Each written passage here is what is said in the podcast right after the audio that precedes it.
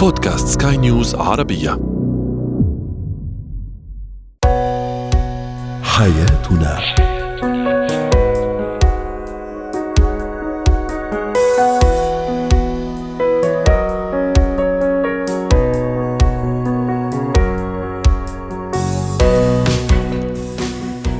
مستمعينا الكرام أهلا بكم معنا إلى حياتنا فضاؤكم اليومي الذي يعنى بشؤون الأسرة وباقي الشؤون الحياتية الأخرى والذي يمكنكم الاستماع إليه عبر منصات سكاي نيوز dot com والاطلاع على آخر الأخبار dot com أقول وأيضا على يمكنكم التواصل على رقمي الواتساب 00971 561 8862 ثلاثة. معي أنا أمان شاب اليوم نتحدث عن الطموح عند الشريك أهميته إيجابياته وأيضا في المقابل متى يكون الطموح مهدد لاستقرار الأسرة. أيضا سنتحدث عن أسباب خوف الطفل من الأشخاص سواء كانوا غرباء أو حتى غير غرباء من أهل من أفراد العائلة. وأخيرا كيف نتخلص من جروح وألام الماضي؟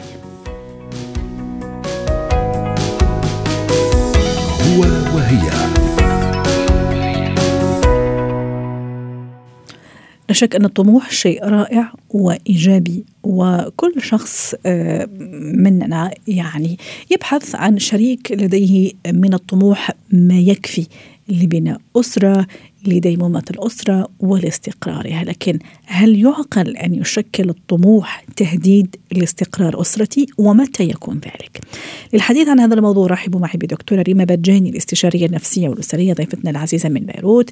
يسعد أوقاتك دكتورة ريما. أهلا وسهلا فيك. شيء جميل أني أكون طموحة زوجة طموحة أو زوج طموح أيضا. آه، ما هي أهمية الطموح في آه، حياتنا وفي الحياة الزوجية والأسرية بشكل عام؟ ثم متى ما يكون هذا الطموح يهدد فعلا استقرار أسرتي. صحيح. أول شيء مرحبا للجميع. سهلا رح بلش انطلق بالحلقة بالنقطة الثانية. إمتى بتصير تهديد؟ برأيي في اختصارها بكلمة واحدة بنرجع نشرحها وقت ما يكون في آه، نضوج مع الطموح. لأنه نحن مثل ما قلت رح أرجع للقسم الأول.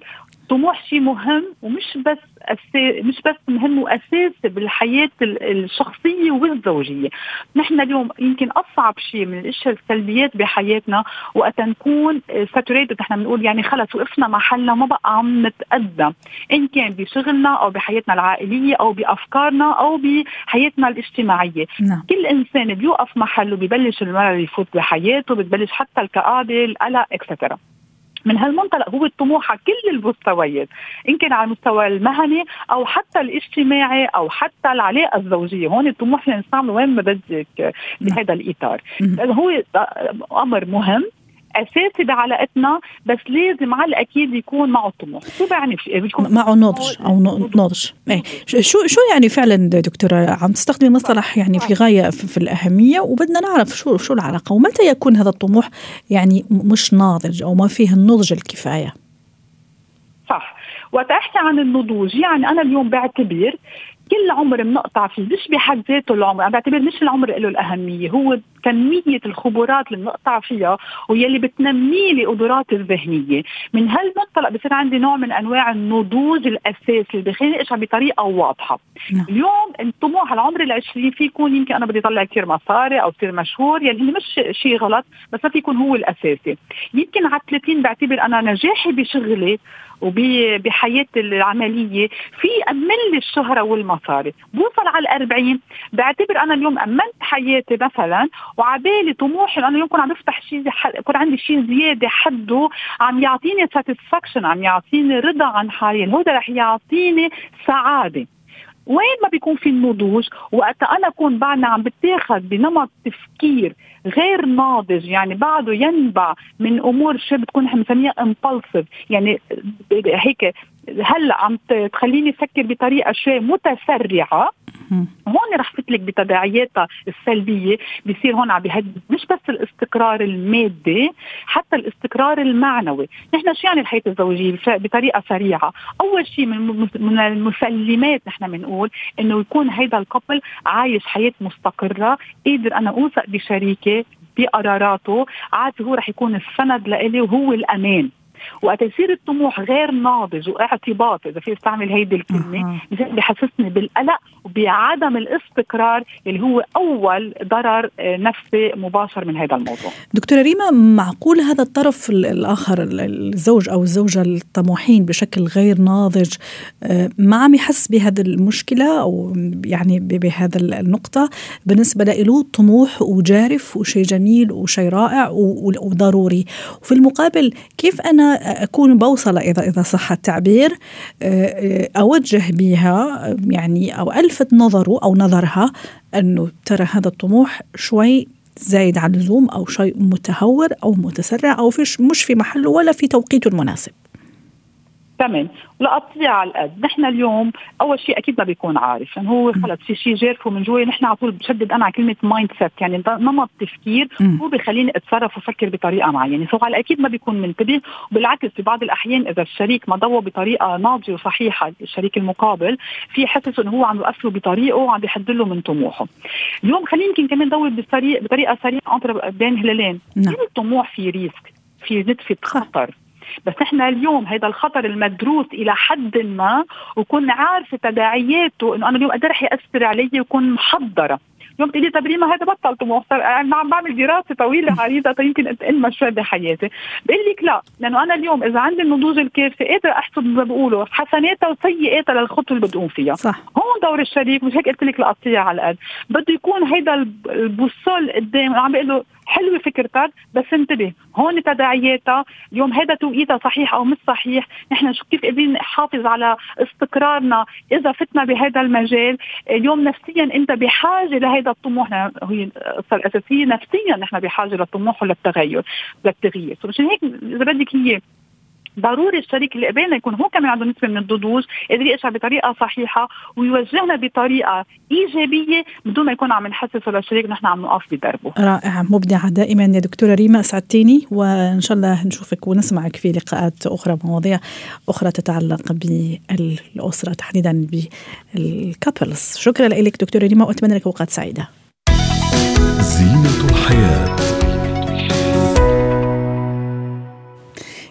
الآباء والأمهات يشتكون من خوف أطفالهم أو طفلهم من الأشخاص سواء كانوا غرباء هالأشخاص أول مرة بيشوفوهم أو لا ممكن من العائلة لكن ما بيشوفوهم كثير ممكن لما يجوا زيارات الولد أول ما هذا يخاف ممكن يبكي ممكن ينعزل.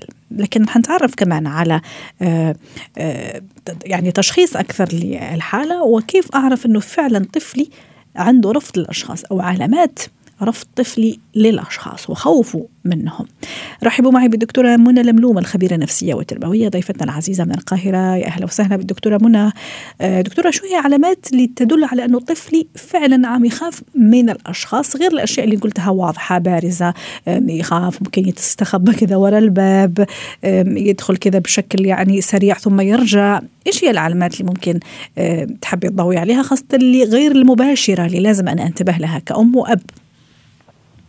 أهلا بحضرتك أستاذة امال يا أهلا آه، وسهلا. يعني زي ما بدأتي بداية جميلة جدا إن العلامات هي إنه الطفل بيستخبى إنه الطفل مش عايز يبقى متواجد في حاجات برضو بتبان زي انه هو بيبكي آه، مجرد إن هو يبقى موجود في وسط ناس هتلاقيه بيبكي نعم. آه، مش بيبتسم بيحاول إن هو يهرب بعينيه إن هو ما يبصش. ويتواصل ويبص بطرف العين أيوه بالظبط تلاقيه كده قاعد مكسوف وبيبص من طرف العين والملتصق قوي بالأم أو صح. الأب ومش عارف إن هو يعني يتخطى ده أو حتى يبقى بعيد عنهم خطوتين.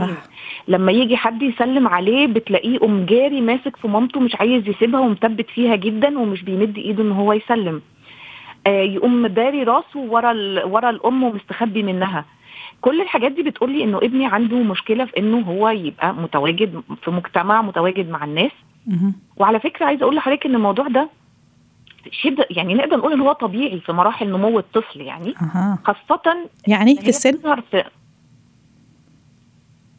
دكتورة منى؟ ألو؟ أي عم تحكي نقطة في غاية الأهمية. طبيعي في أي مرحلة يا دكتورة؟ آه إيه هو عايزة أقول لحضرتك إن الموضوع بيبدأ أصلا عند الطفل الرضيع يعني بداية من سن 7 ل 10 شهور أي شخص غريب بيبدأ الطفل إن هو بيخاف منه.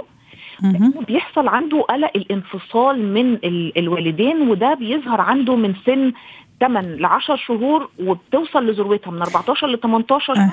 ويبدأ المفروض إن الطفل يتخطى الخوف من الآخرين أو من الغريب عند سن سنتين. في المقابل بس يا دكتورة في كثير مثلا رضع كده حلوين رائعين جميلين حتى أنت تقولي يا الله عشري يا الله اجتماعي. وانس يشوفك مثلا ويشوف كثير البشر إحنا نقول ما ينكرهم. عرفتي كيف؟ إحنا بمصطلحنا آه. نقول ما ينكر. بالضبط. هل هذا هذا المش طبيعي والطبيعي اللي زي ما حضرتك عم تقولي إنه هذا شيء عادي وطبيعي بالنسبة للرضع في هذا المرحلة ولا كيف؟ إيش اللي يخلي رضيع عن رضيع يعني يتصرف بغير طريقة. آه, آه وده يمكن لسه موقف حاصل معايا في مكان كنت موجودة فيه ولقيت طفل سنتين تقريبا وجاي بيجري عليا وبيعمل لي بإيده إن أنا أشيله وأنا ما اعرفوش خالص. اولا هنا بيكون الطفل ده أهله اجتماعيين جدا وجيناتهم كده لأن خليني أقول لحضرتك إنه أحيانا الخوف من الغريب ده بيكون في الجينات. تلاقي الأم أو الأب بيقول لك وأنا صغير أنا كنت كده. فبنفس الفكرة الطفل اللي والديه اجتماعيين اللي من وهو صغير بيوجدوه في, مجتمع وبيشوف ناس كتيرة غريبة ما بيحسش بالغربة. لكن دي ممكن هتلاقيها أكتر وواضحة أكتر مع الطفل الأول لأنه أحيانا ما بيكونوش قادرين إن هم يدمجوه في مجتمع مع أطفال وكده إنما ما بتظهرش مع الطفل الثاني ليه؟ لأنه بيجي أصلا وفي طفل موجود في البيت وبيبقى في مجتمع أكبر بالنسبة له ممكن تكون الأم رايحة مثلا بتودي الابن الأكبر للحضانة وبتاخد الصغير معاه فبيشوف أطفال كتير فهنا بتفرق حقيقي في جزئية الجينات. جميل. ده ده عامل مهم قوي. دكتورة متى أبتدي المفروض إني أقلق شوي أخاف إنه ترى الموضوع مش طبيعي أو زاد شوية عن حده أو أخذ أكثر من حجمه أو أخذ أكثر من وقته موضوع خوفه من الأطفال أو عفوا من الأشخاص التانيين؟ طيب زي ما قلنا إن هو لحد سن سنتين الخوف آه بيقدر إن هو يتجاوزه ويتخطاه نعم. آه من بداية بقى من سن سنتين أبدأ ألاحظ هو لسه عنده خوف من الناس. طيب إيه السبب بتاع الخوف ده؟ ممكن يكون الآخرين هم نفسهم جزء من الخوف. في ناس لما بتلاقي طفل مع أهله بيقوموا جاريين ماسكينه ومسلمين عليه وحاضنينه وبايسينه وشايلينه وأحيانا يشيلوه ويحدفوه في في الجو في الهواء حضرتك عارفة العشم اللي بعض الغرباء بيدخلوا بيه على الأطفال. دي حاجة أنا لازم إن أنا أكون حريصة جدا ومنتبهة لما الغريب ده يتعامل مع ابني. إن أنا لما أكون رايحة على مكان أبدأ برضو أقول للطفل إحنا هنكون موجودين دلوقتي وهنروح نعمل كذا هنقابل فلان فلان ده أنا أعرفه من كتير شخص كويس إحنا بنحبه. يعني بنجهزه. أجهزه ما فاجئوش. وما وما ادفعهوش بقوة على إنه يسلم على آه الشخص الغريب. صح صح. هي بنشوفها كثير سلم على طنط سلم على أنكل مدري إيش. وفي إلحاح ممكن حتى أسحبه من إيده شوية بقوة لأنه بالنسبة لي عم يحرجني صح ولا لا؟ بالظبط هي الأم بتحس بالحرج كأنه هي المشكلة هتبقى إنه الشخص ده أحرج من الطفل. الطبيعي إنه ده طفل. وسلوكه مش مرتبط بالسلوك الكبير. إنما بدل بقى ما مثلا تعالي حضرتك شوفي السيناريو التاني إن أنا جه الغريب ده بدل ما أدفع ابني لإنه يسلم عليه بالعافية إنما أمسك إيد ابني وأثبت عليه وأحضنه وأقعده جنبي وأقول له فلان وأبدأ أعرفه عليه وأسيبه شوية. وبعد شوية هو هيقف هتلاقي الطفل ده يا, مد... يا أستاذة أمال. واقف شوية بعيد وبيراقب صح. وبعد شوية يقوم جاي مقرب هو من نفسه. على فكرة في أطفال إذا تجاهلتيهم راح يجوكي. يعني إذا ألحيتي أكثر راح يهرب. بالظبط فإحنا لازم نكون برضو عندنا ككبار الحتة دي. صح وعايزة أقول لحضرتك ملاحظة بقى شخصية مني. إنه الطفل بيكون عنده قدرة على إنه يتعامل مع الغريب. إذا امرأة دي ملاحظة مش دراسة أكتر من لو رجل. لأن المرأة بطبيعتها عندها صبر أكتر في التعامل مع الأطفال. عندها أمومة بالفطرة فبتبقى قادرة فعلا إنها تتجاوز ده. يعني هتلاقي مثلا إيه تسمع والله حتى في في في في آباء يعني في رجال عندهم اللي خاصة الآباء يعني عندهم بالفطرة كمان فطرة غريزة الأبوة إنه عنده هذاك الصبر طريقة كيف يستميل بيها مش تحيز للمرأة. والله بس يعني هيك ملاحظة. ما بدنا يزعلوا مننا يا دكتورة. طيب دكتورة في اباء كمان. إيه دكتورة في, في كمان سؤال أبغى أعرفه أعرف جوابه. صحيح أنه المكان المثالي اللي ألاقي فيه أو أخلي طفلي يلتقي بهذا الأشخاص اللي ما يعرفهم أو يمكن يعني هم أصدقاء العائلة أقرباء بس بعيدين هو البيت هو المنزل لأنه البيت والمنزل بالنسبة للطفل وبالنسبة لنا كلنا في الحقيقة هو الأمان، هل هذا صحيح ولا مو شرط؟ آه، والله هو آه، ده اللي بيقال دايما إنه فعلا بيكون الأفضل انه هو يكون في البيت على أساس انه هو مكان الأمان واللي بيحس بيه الطفل إنه آه، أهله دول مش هيدخلوا شخص غريب البيت إلا لو هو ثقة غير لما طبعا. هيكون في مكان بره والمكان مفتوح فالمكان المفتوح ده ممكن يكون فيه أغراب يعني آخرين مش مسموح لهم يعني اللي نعم. دخل بيتي وخبط ودخل بيتي ده أنا شخص سمحت له لكن المكان الغريب اللي بره أنا مش هيبقى في إيدي إني أكون بكنترول أو بتحكم في مين اللي يكون متواجد نعم. لو أنا خرجت بقى معاه أخليه ياخد معاه الألعاب بتاعته علشان يحس بألفة في المكان الغريب اللي بره نعم. فأصبح لو هو خرج لمكان غريب معاه شيء يشعره بالألفة غير الأهل كمان جميل. العروسة بتاعتها الكورة بتاعته حاجة يحتضنها حاجة يحس بألفة كبيرة معاه تكسر حاجز غربة المكان والأشخاص. واضح. شكرا لك دكتورة منى سعدتيني اليوم ودائما رائعة مبدعة وأتمنى لك أوقات سعيدة ونشوفك إن شاء الله على خير في لقاءات مقبلة. يعطيك العافية. مهارات الحياة. كيف أتخلص من جروح الماضي؟ هذا سؤال كبير جدا ويشرح ويطول شرحه لكن نحاول اليوم مع الأستاذة لنا قاعاتي. نتعرف على أهم ملامح التخلص من جروح الماضي حتى نعيش بشخصية متوازنة. رحبوا معي إذا بلا نقاعاتي أهلا وسهلا فيك يا أستاذة لانا. أهلا وسهلا ومرحبا بك في موضوعنا اليوم اللي هي جروح الماضي اللي كل شخص في الحقيقة عنده زاوية كذا معينة جوا في, في, في, في نفسه فيها كذا حتة جرح اثنين ثلاثة أحيانا أكثر آه، مستوطنة في هذا المكان. وما حابة تروح. وفي كل مرة تطل برأسها في كل موقف في كل تصرف إلا ويرجع لي هذا الجرح. ويذكرني باللي مضى. في طريقة كذا أتخلص منها من هذا الجروح يا أستاذة لانا؟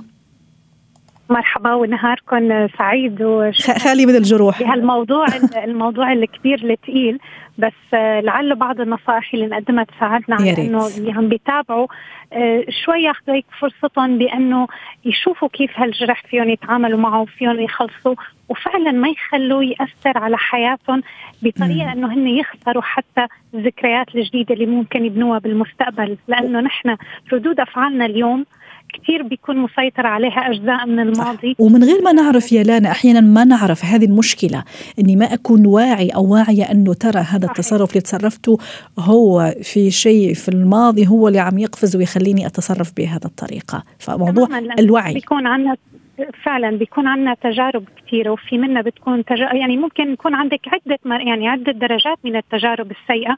بعضها ممكن تعتبر جروح طفيفة وتحسني تتعاملي معها وما تأثر كثير على حياتك بس في منا بتتحول من جرح إلى ندبة وبتترك لك فعلا أثر سيء لدرجة أنه بشكل لا وعي بتكون السلوك عم تتغير بتكون قراراتنا غير مثلا سليمة. مثل ما قلتي ما بيكون واحد عايش بشكل متوازن فبتأثر حتى على حياتنا على تعاملنا مع الآخرين علاقاتنا بتكون سوية فبتكون سببت لنا هي الجروح اضطرابات نفسية. وبهي الحالة لما بيكون في يعني لما بيكون في عقد نفسيه ضروري إنه الإنسان يحسن إلى حد ما يتواجه مع نفسه ويتوجه إلى المساعدة يحكي مع الأخصائي يحكي مع الطبيب النفسي لحتى يحسن يرجع بهذا الملف تبع الماضي الكبير اللي عنده إياه وقدر الإمكان نعم. يعمل فيه عملية تنظيف ليصحح طيب. للمستقبل بس بس لنا المشكلة أو يعني المربط الفرس مثل ما بيقولوا كله في اني أعرف إنه أنا أتصرف أو عم أتصرف بناء على جروح ماضي. كيف أعرف إنه ترى هذا التصرف في في في جرح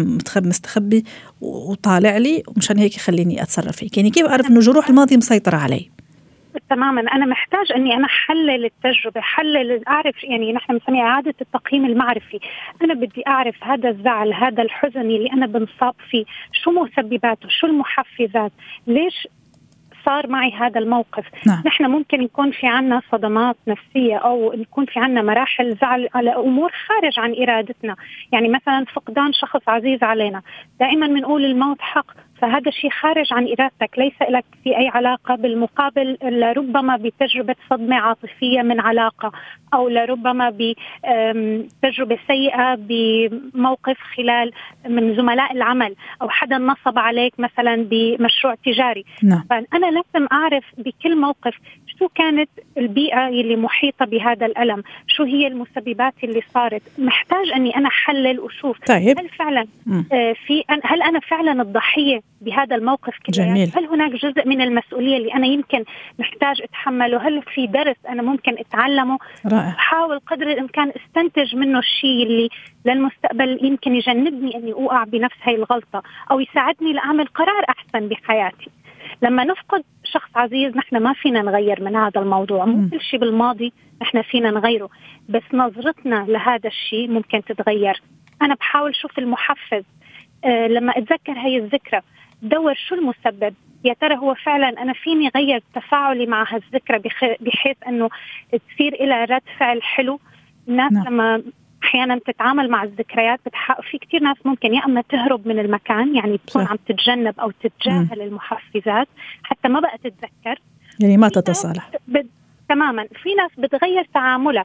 يعني إذا شخص ما انت ربطتي مكان معين خلينا نقول كافيه بذكرى أو بشخص معين في ناس بتبطل تروح على هذا المكان حتى ابدا ما يذكرها بالمقلب صح, صح 100% بالمقابل في ناس بتقول لك لا أنا بروح وبحاول روح لأنه آه أنا بعرف آه إنه أنا هنيك حقابل ناس جديدة لاعمل علاقات حلوة. أو هذا المكان آه أنا بتذكر كنت بحب عنده أكثر أكلة طيبة فأنا حابب حافظ على هي الذكرى.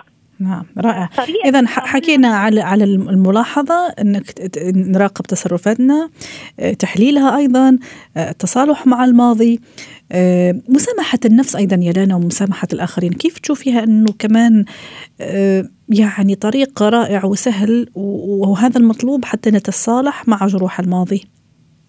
هي نقطة كثير مهمة وهون بحب ألفت نظر إنه إحنا لما بنسامح ذاتنا يعني ما نضل عم نجلد أو ما عم نسامح الشخص الثاني هذا مو معناته إنه نحن سامحناه على الأذى اللي سببه. نعم. وإنما نحن خلص يعني فيك تقولي إنه تواجهنا مع هذا الموقف وبنقول اللي حصل حصل وأنا حابة أطفي هي اطفي هي الصفحة لحتى أحسن أعيش حياتي لقدام. ما بدي ضل مخلية هذا الشخص دائما مكبلني وعم بشدني بهي التجربة إلى الخلف. فما بيعني إنه نحن حنمحي من مذكرتنا نهائيا هاي الذكرى نعم. لكن أنا ما حخليها كل شوي تكون عم تظهر من اللاوعي لقدام وتسيطر علي. نعم. فلهون نحن بنقول تسامح مع الذات أو تسامح مع الآخرين. فعلا هي يمكن سهل نقولها لكن هو أحيانا موضوع صعب لأنه الإنسان بتعز عليه نفسه إذا حدا أذاه وبيتذكر وبيحب يدافع عن نفسه. لكن نحتاج إنه نعرف إنه هي يمكن من أعلى درجات الرقي مع النفس إنه أنت فعلا تسامح الشخص على الأذى اللي سب... اللي عمل لك إياه. على القليله إذا مش مشان مشانك أنت. طبعا لنفسك. ولصحتك الجسدية والنفسية لأنه إذا بدك تغرق بهي الدوامة ويصير كل تفكيرك مركز على السلبيات آه بتصير عم تاخذ قرارات مثلا كيف أنا بدي انتقم. يعني صح بتلاقي صح. كل حياتك تحولت لسيئات أكثر من إيجابيات. صحيح صحيح. شكرا لك لنا قاعتي مدربة مهارة حياة ضيفتنا العزيزة وأتمنى لك أوقات سعيدة.